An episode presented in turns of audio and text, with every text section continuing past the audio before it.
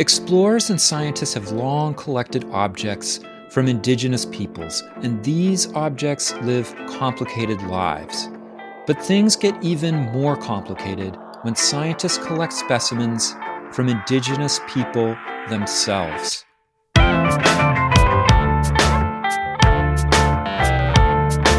It's time to eat the dogs. I'm Michael Robinson.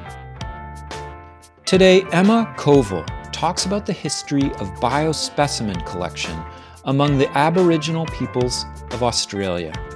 Kowal is a cultural and medical anthropologist at Deakin University. She's the co author, along with Joanna Radin, of Indigenous Biospecimen Collections and the Cryopolitics of Frozen Life, published in the Journal of Sociology. Emma Kowal, thank you so much for talking with me. It's a real pleasure, Michael. So much of your work focuses on biospecimens in the 20th century, but you also write about some ethnographic expeditions in the 1800s. And I was wondering if you could talk about the story of Sandy McPhee, who sets off in the 1880s uh, in search of white Aboriginal people. Yeah, so Sandy McPhee is, he's not a scientist uh, and he's not uh, a physician or any of the kind of usual suspects who were uh, making expeditions at that time. He's actually a, a station um, manager in very remote northwestern Australia. And it is, it's a very unusual story. So he meets some Aboriginal people who have as we say in Australia, come in from the desert who haven't seen any Europeans before. Uh, and they come onto his station and they, when they see him, they are shocked and, and surprised to meet a European man, but not because he's the first white man they have ever encountered, but because he's the second. Huh. And they tell him through through interpreters, through his uh, what the in the racist terminology of the time were his boys, a young Aboriginal men who were um, multilingual who worked with him. They tell him that there is a white man uh, far in the desert, and that these Aboriginal people saw um, some months ago at a ceremony. So Sandy McPhee keeps on thinking about this and then decides to try and go and find this man. And he takes off into the desert, finds himself many kilometres inland, and eventually finds this group of Aboriginal people, one of whom is light skinned and comes up to meet him. So Sandy uh, realizes almost immediately that this is an albino Aboriginal person and takes him back with him to initially the station and then down to Perth, the capital of Western Australia. And then the story really enters into this uh, 19th century story of the display of Aboriginal people and also linked with the display of people with unusual physical characteristics yeah. So he ends up going to Melbourne and being part of a show where there's the shortest person in the world or the you know bearded women and so it kind of takes a very different turn a, a, a turn of the, the, the display of so-called freaks which was very common in the 19th century but alongside that what actually brings him from perth in the west of Australia across to Melbourne, which is uh, where I live and is uh, was a m- much more booming uh, colonial metropolis, is uh, Ferdinand von Mueller, who is the preeminent scientist in Australia at the time.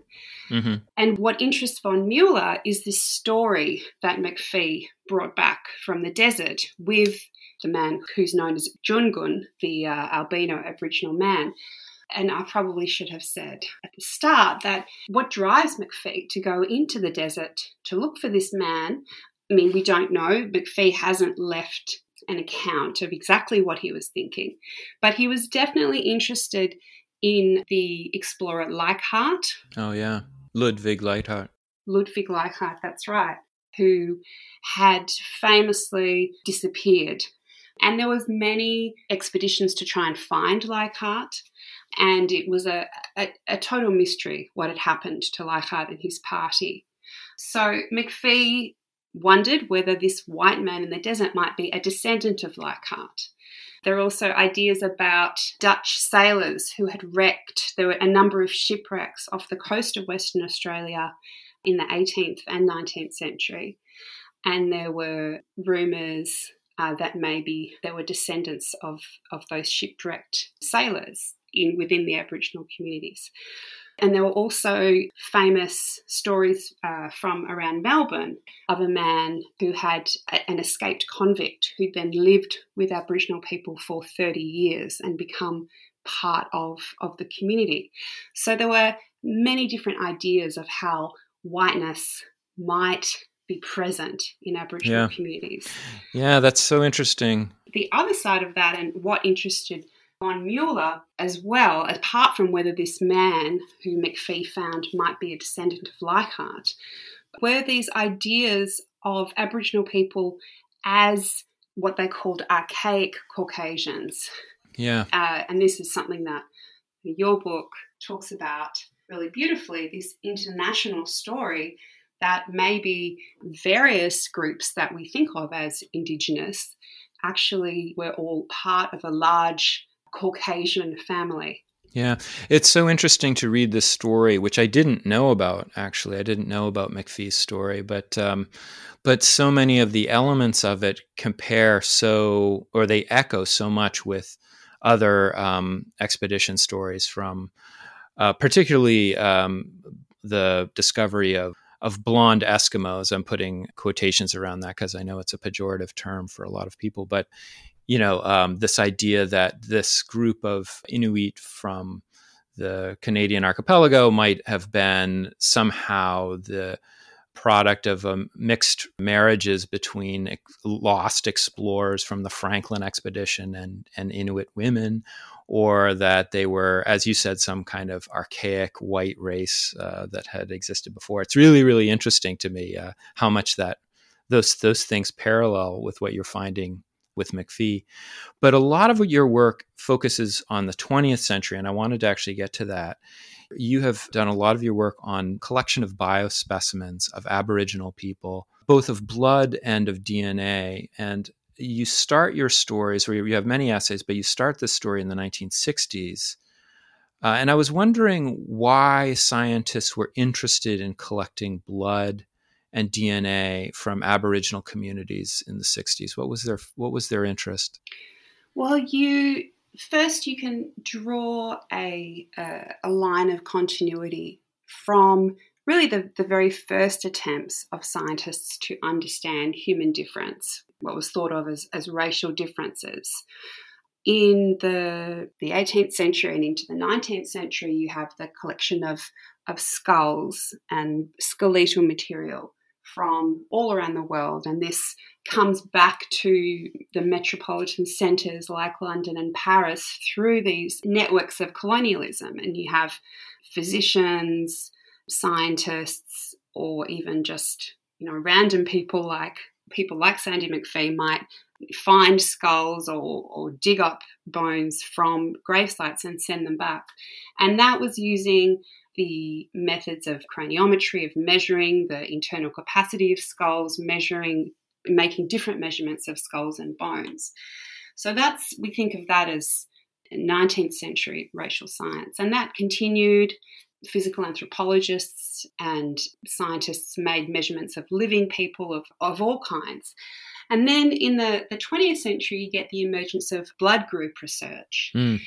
And this was believed by many people to be a way to much more accurately understand human difference. So, blood group research, which was done initially by taking blood and not preserving it, but using different tools to look at the blood groups on the spot, by the 1920s and 30s, this tool was used to try and understand the different blood groups and to see whether blood groups were a more accurate measure of racial difference. Mm-hmm. Um, of course, that became more and more complicated. Initially, it was uh, believed that Asian people had blood group B and Europeans had blood group A. But of course, it, it got more and more complicated and became less of a convincing measure of race. So then, in the mid 20th century, you get further development of technology. And a really critical part of the story, um, which uh, Joanna Radin, uh, my colleague, a historian of science at Yale, has written about, is the development of mobile freezing technology. Mm. And this happens in the field of animal husbandry, specifically to transport bull sperm in order to yeah right um, standardize uh, cattle as a as as a beef product for the uh, you know growing uh, U.S. And, and world market. So this technology of transporting genetic material across initially the US then becomes used by scientists to transport blood samples. So we had initially in the 19th century the movement of, of skeletal material back to the uh, imperial centres. Then from the mid 20th century, we, scientists are able to collect blood samples and transport them back to laboratories for analysis. So, um, one of the papers that you co wrote with uh, Joanna Radin, who you mentioned, you talk about the International Biological Program in the 19, uh, 1960s, which is collecting blood. And in particular, you focus on the work of uh, a geneticist, an Australian geneticist, Robert Kirk. Who was Kirk and why was he important? So, Rob, Robert Kirk, or Bob Kirk, as he was widely known, is, is born um, in the UK educated as a, as a biologist there, and actually spends some time after the Second World War uh, in the US at Sarah Lawrence College, but ended up being recruited to the University of Western Australia in Perth and starts the biology department there. So he's, he's a, a snail geneticist, but uh, through a, a, series of events, he becomes interested in, in human genetics. And he realizes that the vast state of Western Australia, which is really the almost a, the whole western half of the Australian continent, is a vast understudied group of genetic diversity amongst the Aboriginal people there. Mm. And he starts to to collect blood samples. And was his interest primarily also looking at blood groups? And was this about trying to determine uh, racial identities? Yes. So by that stage, by the mid 20th century, the initial interest in just blood groups, A, B, O, um, had proliferated. So we had many other kinds of protein types. So looking at types of hemoglobins, types of ferritin. So, what began as blood group research had moved into many different other blood proteins. So, there was an element of, of discovery, of the hope and the belief that there would be many unknown, previously unidentified proteins that they would find in Aboriginal people. And they certainly did. So, for example, they found uh, a woman who didn't have any Rh antigen at all. So the Rh is the, the part that makes you a, a positive or a negative in your blood group. And this was extremely rare, and so it immediately gets a, an, an article in, in the Lancet. Mm. So this was part of what they were doing is to is to find new blood proteins that had not been identified before. And they also collated results to try and compare the incidence of different kinds of proteins across the Australian continent and then also comparing it to um, results that were coming from all around the world. One of the other scientists that you profile in this essay is Carleton Gajdusek, who ends up winning a Nobel Prize in medicine and a rather controversial figure uh, who was collecting biospecimens as well. Can you talk about him?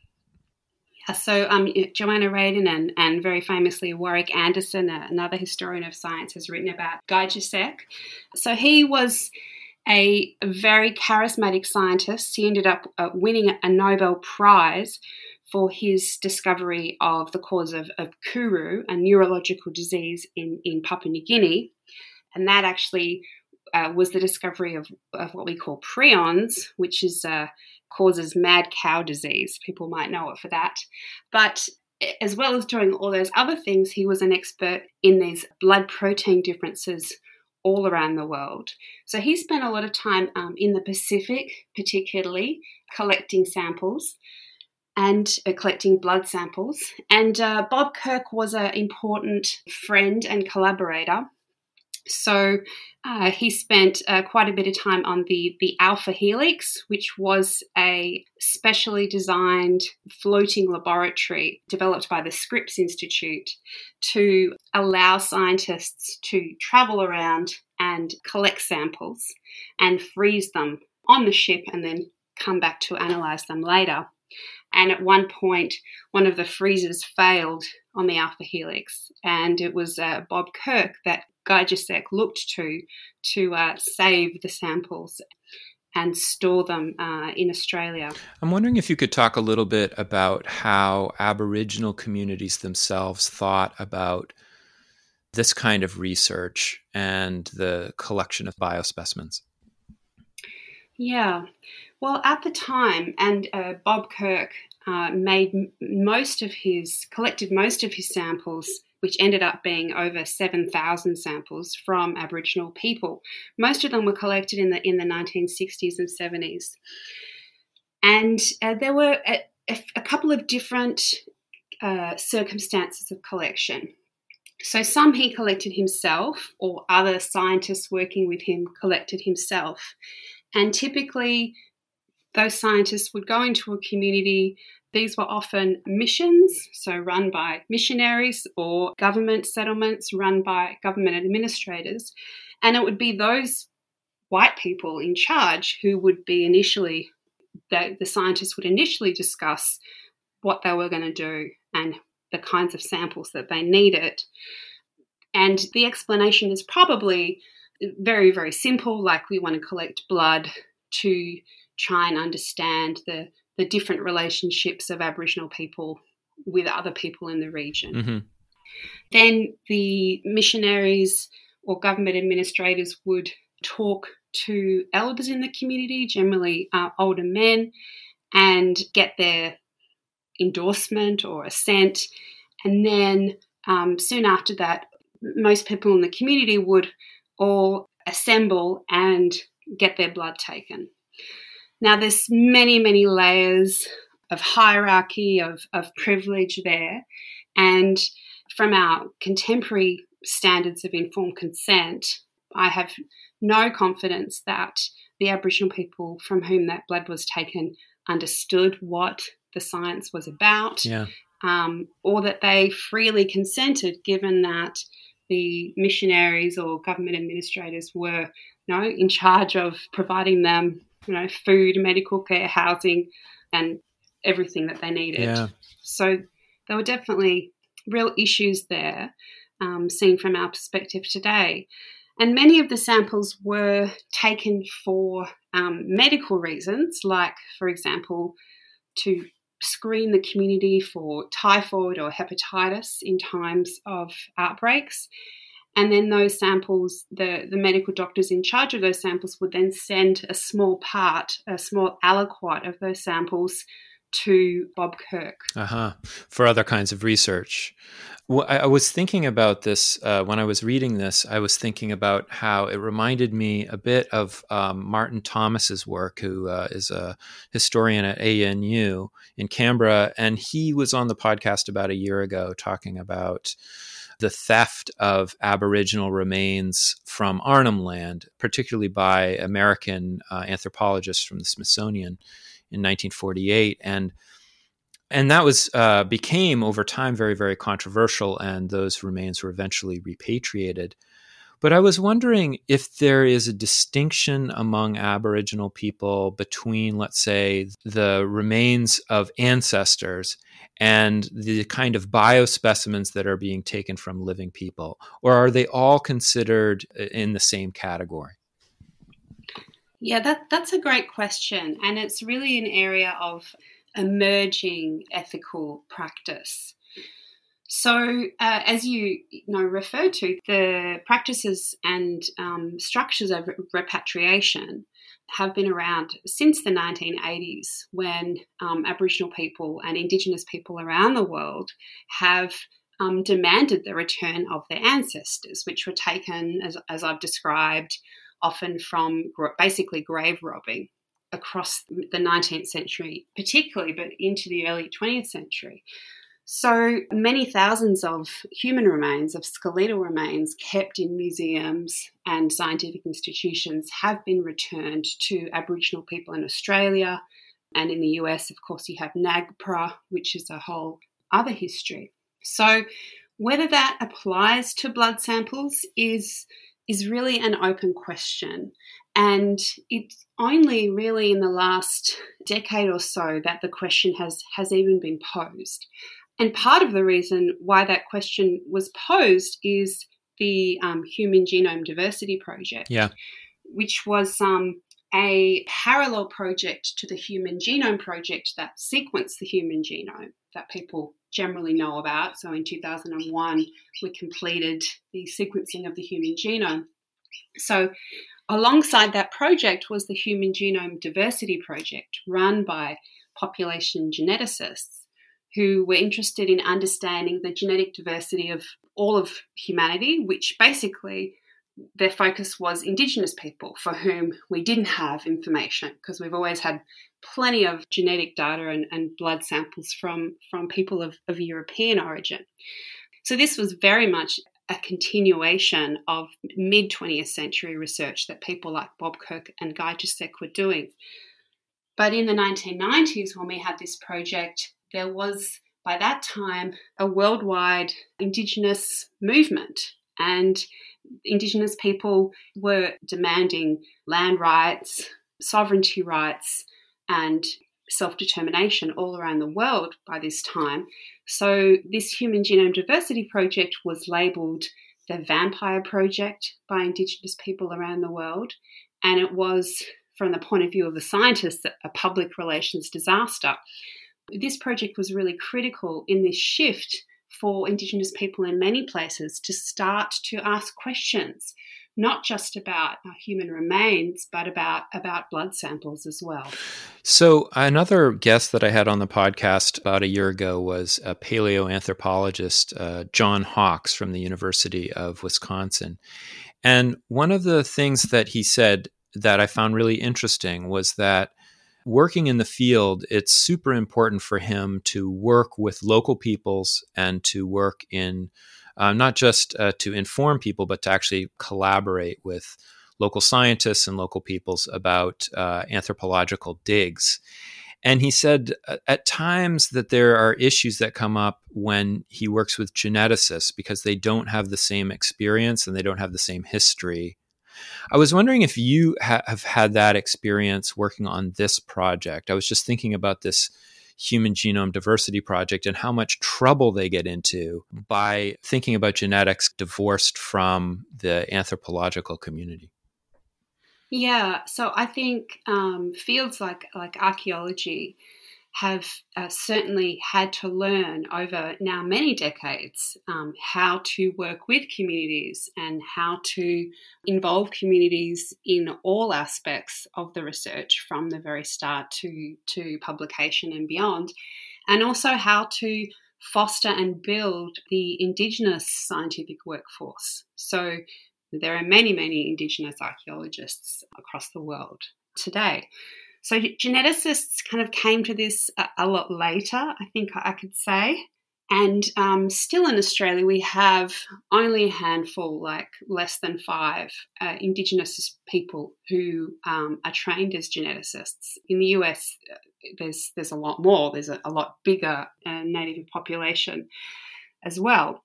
But yeah, geneticists the, the Human Genome Diversity Project that I mentioned really was um, a very rude shock to the genetics community. And I think they have learned, many have learned. There's still a lot more learning to do. But uh, one of the projects I've been involved with, the uh, National Centre for Indigenous Genomics, based at the Australian National University in Canberra, is really um, world leading in the sense that it's a indigenous governed um, genome facility. Mm. and that's the kind of approach that needs to happen if um, the field of genetics wants to uh, engage with indigenous people. So before you started working as an anthropologist you were trained as a physician in the northwest and you worked in the northwest territories of australia with aboriginal communities I was wondering if your training as a physician, how well did it prepare you for working with this community? Um, yeah, so I, I, actually started off as a as an activist, mm. as an Indigenous solidarity activist, while I was at university studying medicine and also studying liberal arts at the same time. So my interest in social justice is really what brought me to work in Aboriginal health as most people who I who I know who work in Aboriginal health in Australia are are, are driven by by social justice in one way or another, and uh, yeah, working in Aboriginal health, the need to involve the community, the need to be aware of colonial history and the the legacies of that history that still um, affect know, every Aboriginal person today that was something I, I suppose I took for granted through my training and experience. And yeah, that's certainly you certainly need that that sensibility to take on to start to think about an area as as controversial as as indigenous genomics. Yeah, I was just thinking that you have seen this issue from in a way both sides of the divide. You've seen it as um, as from the clinical side, but you're also an anthropologist, and I was just wondering whether that experience has shaped your uh, your work in any way. Yeah, yeah, definitely. When I started looking at the questions of Indigenous people and genomics, there was basically no genetic research happening mm. in Aboriginal communities. So this was back in 2006 when I, I first started.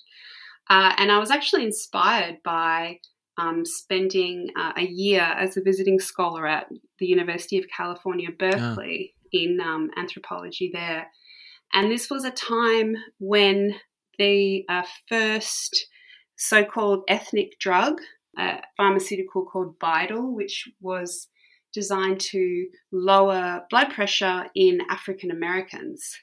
Um, and this is something that Jonathan Kahn has written a lot about. So, this was the first ethnic drug that was first patented and then licensed by the FDA for a particular racial group. So, for, for social scientists like myself, this was incredibly shocking and surprising that given the, the promise of the Human Genome Project, in 2001 that this showed that humans were overwhelmingly the same, yeah. 99.9% the same in their genetic code, how could we just a few years later have a, a medication that was specifically for um, a racial group? I mean, the science behind it turned out to be quite suspect, as you might um, anticipate. But this was, you know, really a wake up call that that the field of genetics was still really, really interested in genetic differences between groups. And I knew that this eventually would come to matter um, in Australia with, with Indigenous people. So, yeah, I began to, to look at these questions and then found that there was this enormous history of basically a form of, of racial science with Aboriginal people, the history concerning uh, bones, and the investigation of, of skeletal material was well known, but this history, this 20th century history of blood samples was, um, yeah, nobody had looked at it. no that. one had looked at it, yeah. Emma Kowal, thank you so much for talking with me. It's a real pleasure, Michael. Thank you. That's it for today. The music was composed by Zabrat. Make sure you check out the Time to Eat the Dogs website podcast links and other exploration related stuff. And if you get the chance, please take a minute to rate and review the show wherever you get your podcasts. It really helps make the show visible to new listeners. And if you want to recommend a guest or make a comment, feel free to contact me at time to eat the dogs, that's one word, lowercase, at gmail.com. See you next week.